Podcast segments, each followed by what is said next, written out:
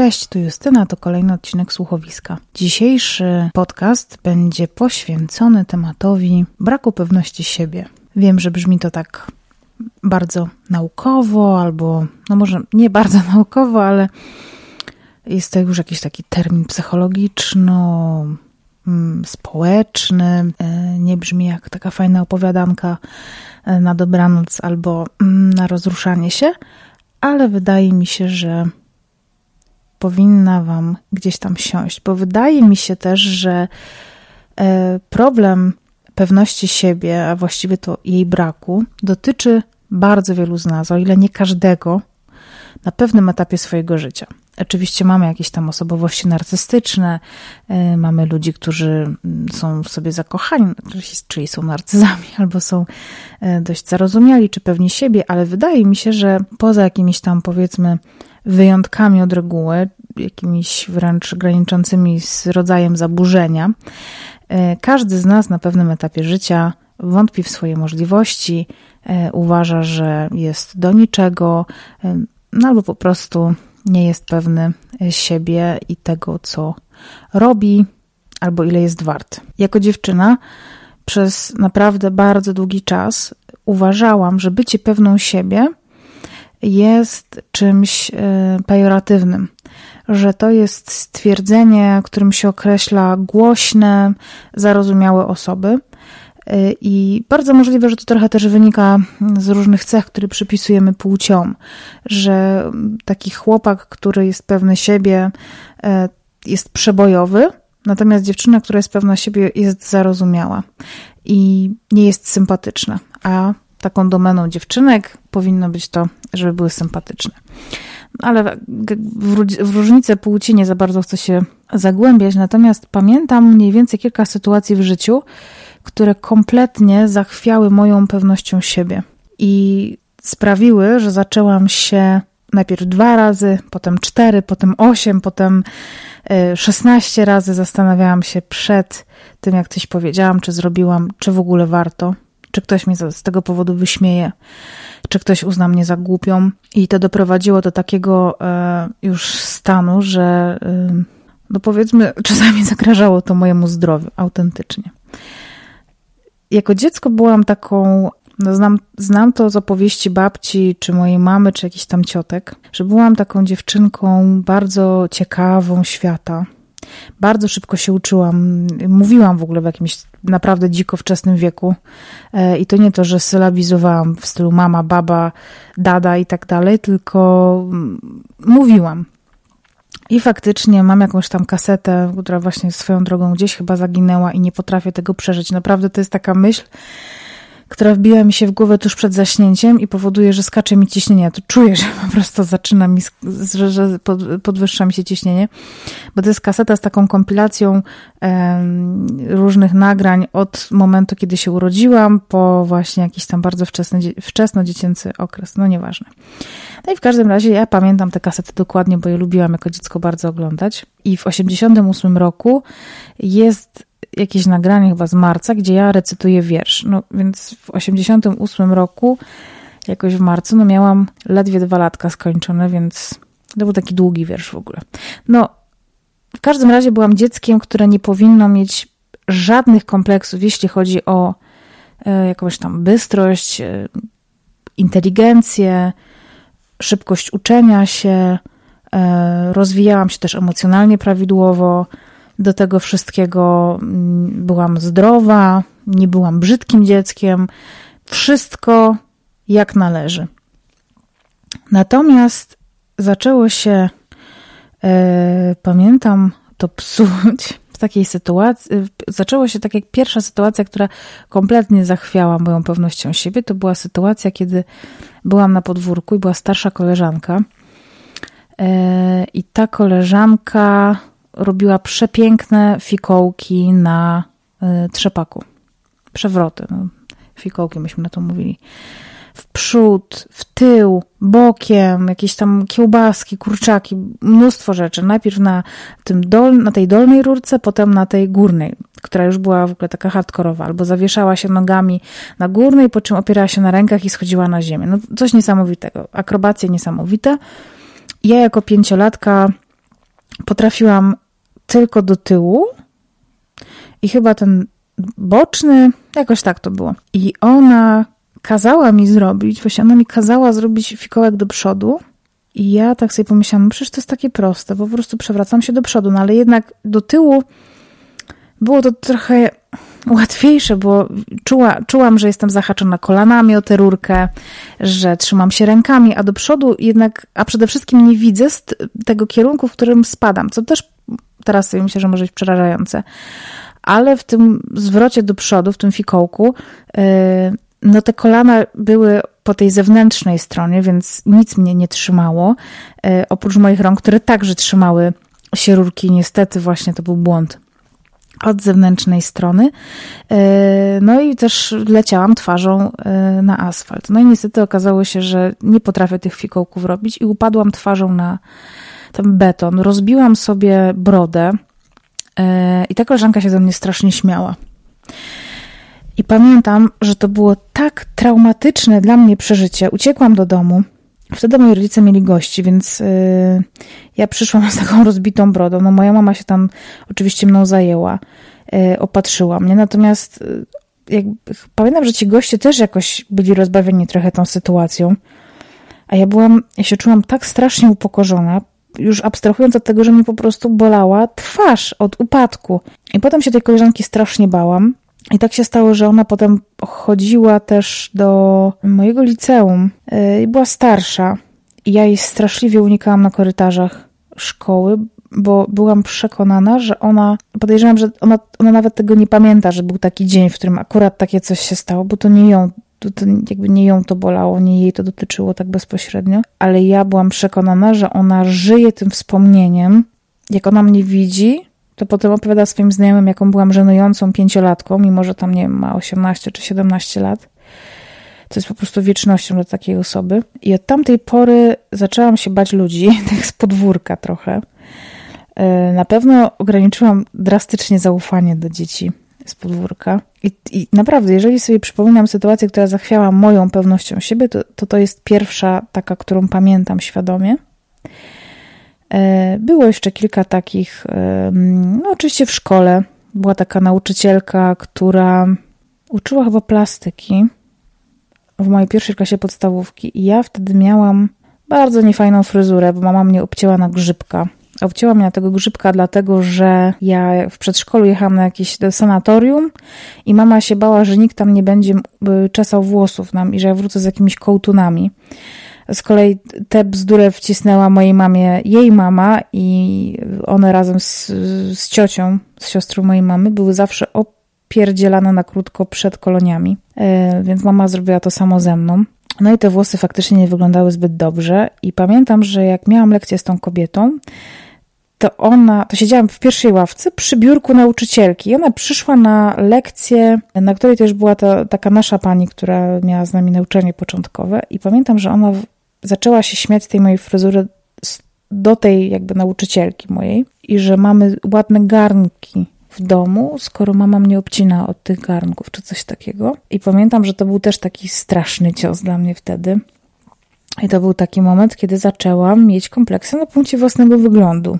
Kolejny kompleks gdzieś tam się pojawił, pewnie jeszcze później, chociaż już teraz nawet wolę tego nie analizować, bo czasami jak wejdzie mi taka faza wspominania tych przykrych momentów, e, to potrafi mi się zrobić bardzo przykro, bo ja wtedy myślę o sobie mm, nie na takiej zasadzie, że spoko, to jest przeszłość, to gdzieś tam było z tyłu, tylko ja wtedy myślę o sobie jako o małym dziecku, którego obserwuję, po prostu widzę na co dzień, na przykład. I temu dziecku się coś takiego przytrafia. I ja tak bardzo bym chciała to dziecko ustrzec przed tym, że najchętniej cofnęłabym się w czasie, co jest oczywiście niemożliwe. E, I powiedziała sobie samej, nie przejmuj się, daj spokój, bo ja mam świadomość, jak bardzo to potrafi kogoś zniszczyć, jak bardzo to potrafi komuś namieszać w głowie, albo sprawić mu taką przykrość na lata i gdzieś tam zrobić taki bardzo trwały ślad e, na psychice i na wnętrzu, nawet czasami bardziej, na sercu nawet bym powiedziała, tak już metaforycznie. E, I mam tę świadomość dzisiaj jako dorosła osoba, E, I trochę mi się wydaje, że były takie czasy, kiedy rodzice mogli nie mieć takiej świadomości. I moja mama była bardzo wobec mnie ciepła. Kiedy byłam mała, byłam bardzo cierpliwa, bo ja zadawałam tysiące pytań. I gdybym miała taką możliwość, to mojej mamie w kilku takich sytuacjach jej z jej dzieciństwa, które znam i o których wiem i po prostu których mi się czasami serce kruszy, znaczy pęka mi po prostu na pół, nie kruszy się, to wróciłabym do dzieciństwa i powiedziała jej wtedy też nie przejmuj się albo zobacz, że to nie jest takie... No, starałabym się, nawet jeżeli działaby się już jakaś krzywda, to starałabym się wesprzeć ją w tych trudnych momentach i pomóc jej nie przeżywać tego tak, jak przeżywała i tak, jak gdzieś tam jej to zostało na przyszłość. Też jakieś takie właśnie sytuacje, tu ktoś kogoś wyśmiał, tu ktoś oszukał i tak dalej i sobie, sobie samej tak samo bym powiedziała. Zresztą mój tata, zresztą mój tata też miał taką przygodę, powiedzmy, w dzieciństwie. E, on się jąkał jako dorosły człowiek i kiedyś spytałam go, jak to się stało, czy on się zawsze jąkał, czy to się po prostu kiedyś tam jakoś zaczęło. On powiedział, że zaczął, zaczął się jąkać, kiedy koledzy z podwórka wrzucili go do piwnicy i zamknęli go od zewnątrz. I on był mały, samotny, bezbronny w zamkniętej, ciemnej piwnicy i z tego strachu zaczął się jąkać. I to są takie sytuacje, które, kurde, tak strasznie mnie bolą jako człowieka dorosłego, że z takiej bezmyślności można człowieka w jakiś sposób złamać, albo właśnie ukruszyć gdzieś, albo nadszarpnąć jego zaufanie, poczucie bezpieczeństwa. I teraz, jak patrzę na mojego małego siostrzeńca, który ma niespełna 8 miesięcy i jest właśnie taki malutki, i jest taki radosny, on się po prostu śmieje, coś mu się podoba, uśmiecha się, coś mu się nie podoba, robi usta w podkówkę i chce mu się płakać. Jest kompletnie szczery w reakcjach. Bardzo łatwo to w tym momencie odczytywać. I super jest to, że buduje się w takim małym człowieczku właśnie poczucie bezpieczeństwa, że pozwala mu się zaufać dorosłym ludziom, co jest z drugiej strony cholernie niebezpieczne bo takie małe dziecko jest po prostu bardzo ufne i może zaufać komuś, kto będzie chciał je wykorzystać na różne sposoby. I wiem już jako dorosła osoba, sprawia mi to ogromną przykrość, że wiem, że już za kilka lat on się z kimś zderzy, kto go po prostu rozczaruje, zawiedzie, kto sprawi, że on będzie smutny, będzie to wszystko brał do siebie, bo dzieci też często się obwiniają za rzeczy, które są absolutnie nie w ich polu mm, odpowiedzialności. I jest to dla mnie trudne do zniesienia, że tak łatwo jest stłamsić czyjeś poczucie pewności siebie, że ono zależy od tak bardzo wielu czynników zewnętrznych, kompletnie nie do przewidzenia. I tak się zastanawiam, co można robić, żeby zawczasu e, takiego małego człowieczka tej pewności siebie uczyć, żeby mu powiedzieć, żeby zawsze ufał sobie, bo to też nie jest całkiem spoko lekcja, bo czasami po prostu człowiek się myli i wtedy warto jest też posłuchać czyjejś rady na przykład, albo liczyć się z czyimś zdaniem. Więc to wszystko jest strasznie trudne. E, ale myślę, że jeszcze trudniejsze jest to, co zrobić z dorosłymi, którzy właśnie są w taki sposób ukruszeni i te kawałeczki gdzieś tam tej porcelany gdzieś mają, albo one gdzieś upadły na podłogę i są, nie, są, nie ma ich w zasięgu wzroku. I co zrobić, żeby je odnaleźć, posklejać, odbudować? To jest takie pytanie, które sobie zadawałam przez ostatnich kilka lat, świadomie lub mniej świadomie. I wydaje mi się, że właśnie taki powrót do tego dzieciństwa, takie przeanalizowanie sobie trochę tego, jak to wyglądało kiedyś, albo wrócenie do takich najwcześniejszych wspomnień, jakie mamy w ogóle w życiu. I przypomnienie sobie, jak pamiętamy, że się czuliśmy, jak pamiętamy, kim byliśmy. I wydaje mi się, że odbycie takiej podróży, ale takiej skrupulatnej dość. Nie trzeba jej ani spisywać, ani jej nagrywać nigdzie, po prostu tak sobie myślami przejść. Przez takie aspekty jak właśnie kontakty z innymi ludźmi, e, przez stosunek ten sam ze sobą, stosunek do samego siebie, jak e, na przykład właśnie nawiązywaliśmy nowe znajomości, czy to robiliśmy, jak to robiliśmy, jeżeli tak, e, jeżeli nie, no to dlaczego i tak dalej, i tak dalej. I Myślę, że w takiej podróży można czasami naprawdę znaleźć bardzo wiele odpowiedzi na dzisiejsze pytania. Kiedyś już to chyba mówiłam, na pewno o tym pisałam wiele razy, że takim pierwszym krokiem do tego, żeby polepszyć swoje samopoczucie. I to nie tak ad hocowo, że teraz, bo dla mnie najlepszym polepszaczem nastroju jest, y, nie wiem, pyszna kolacja i tyle. No i nie będę ukrywać, że największą przyjemność w życiu, taką właśnie, e, która mnie automatycznie nagradza, jest dobre jedzenie. Tylko mówię o czymś na stałe, o czymś, co będzie trwałe. To wydaje mi się, że właśnie świetną, e, świetnym na to sposobem jest spojrzenie na siebie, szczególnie z przeszłości, w tych takich sytuacjach, które były dla nas najtrudniejsze najmniej przyjemne, takie, które kojarzą nam się z wichrem, zacinającym śniegiem z deszczem, y, z momentami, w których czuliśmy się, jakbyśmy byli jedynym człowiekiem na Ziemi, który jest tak samotny, że jest niezauważalny dla innych, y, odgrodzony od wszystkich jakąś niewidzialną barierą, nie potrafiący poprosić o pomoc, to proponuję, żeby właśnie w te momenty gdzieś tam wejść na nowo i pomyśleć sobie o sobie jak właśnie o takim dziecku, o swoim przyjacielu, e, o swoim młodszym rodzeństwie i spróbować na siebie spojrzeć z boku. I kiedy gdzieś tam złapiemy taki właśnie kontakt ze sobą, tak jakbyśmy byli trochę kimś innym, albo przynajmniej odrębną jednostką, którą obdarzamy ciepłymi uczuciami, bo to zazwyczaj będą momenty, w których będziemy sobie współczuć albo będziemy współodczuwać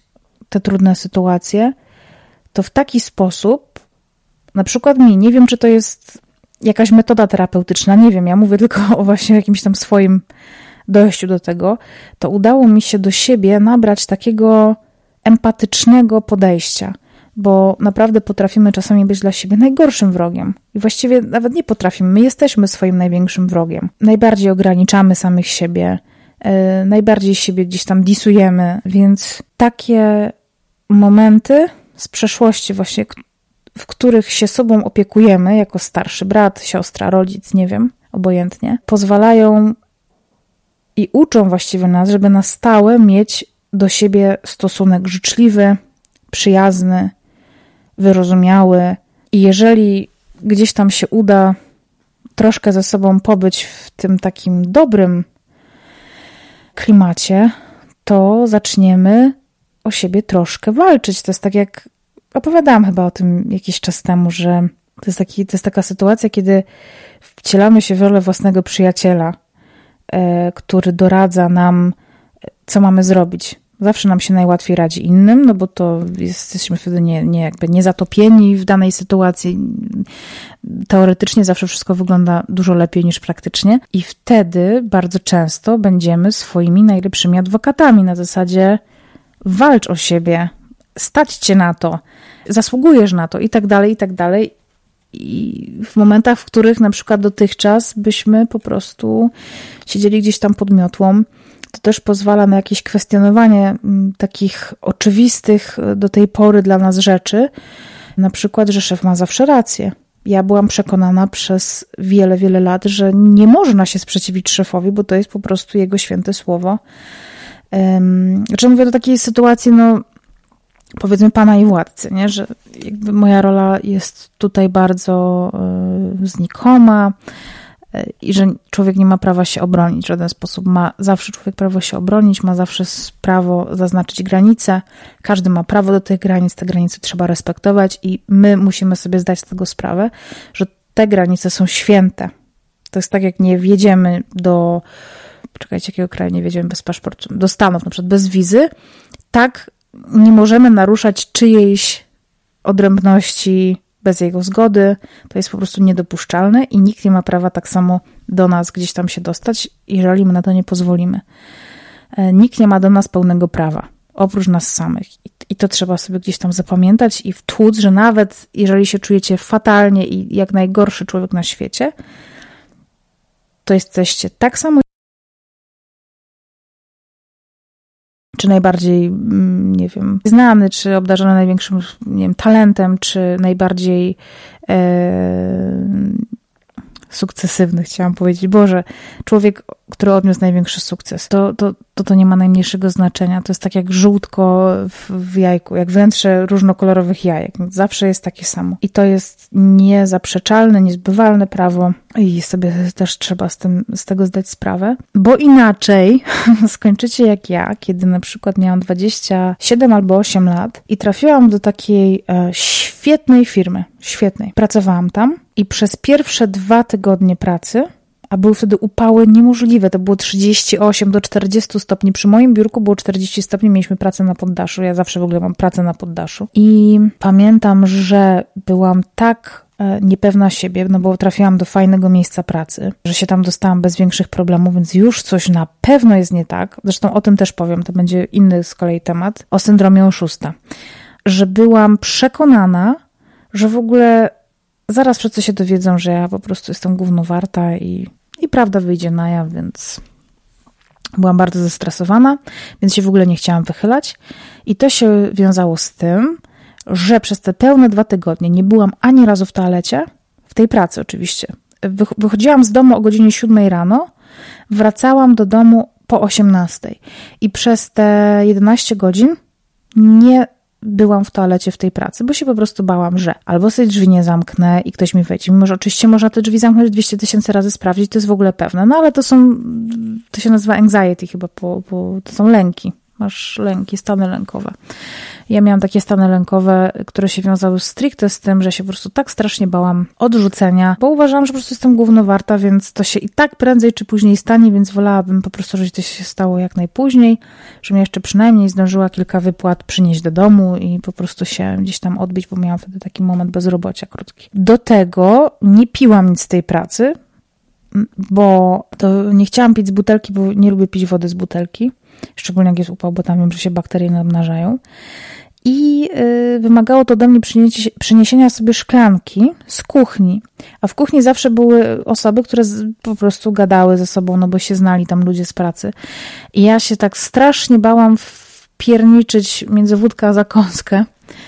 E, że też nie piłam tam nic i e, pamiętam, że były takie momenty, kiedy tam przynosili lody, żeby się ludzie ochładzali i wszyscy te lody jedli, ja tych lodów nie jadłam. E, oczywiście z tych samych względów, z których nie byłam w toalecie, czy nie byłam po szklankę w kuchni, tylko także z tych powodów, że ja miałam oczywiście problem, że jestem za gruba, więc jak ktoś zobaczy mnie, a ważam wtedy jakieś, nie wiem, 70 kilo, jak ktoś zobaczy, że ja mam loda, to a, grubaska je loda i po prostu już od razu wszystko wiadomo, mamy łatkę przyczepioną. I w takim piekle Człowiek potrafi żyć latami i nie wiedzieć, że to jest stan chorobowy, że to jest właśnie piekło, tylko sobie człowiek myśli, że może tak wygląda życie. No to jest moje życie. Sama sobie na to zapracowałam, tak to wygląda, nic się już z tym nie da zrobić, to po prostu trzeba zaakceptować. Tego się nie da zaakceptować, bo to jest po prostu koszmar. No i to jest tortura, no. Nigdy myślę, że chyba tylko właśnie jacyś psychopatyczni mordercy czy oprawcy są w stanie drugiemu człowiekowi w taki sposób urządzić życie, czy w taki sposób go gnębić, latami, czy miesiącami, czy tygodniami. No, po prostu człowiek sobie to robi sam. Nie chcę, żeby ten odcinek wyszedł ponuro. Chciałabym właśnie, żeby wyszedł raczej pozytywnie, bo ja po prostu wiem, że jest wyjście z tej sytuacji i że to jest taki brzeg, z którego można przejść na drugą stronę, tylko trzeba znaleźć most, a żeby znaleźć most, to trzeba zrobić pierwszy krok i właśnie tym krokiem jest taki trochę powrót do samego siebie z tych czasów, kiedy byliśmy beztroscy, kiedy byliśmy bezpieczni, kiedy ktoś inny za nas decydował i zapewniał nam byt. To są czasami trudne bardzo podróże i przykre, i sentymentalne, ale myślę, że warto takie podróże odbywać, bo życie może być po prostu przyjemne. A nawet jeżeli trudno jest uwierzyć osobom, którym się po prostu teraz bardzo trudno żyje, że to życie może być przyjemne, to żeby uwierzyły, taką mam prośbę, że może być zupełnie normalne.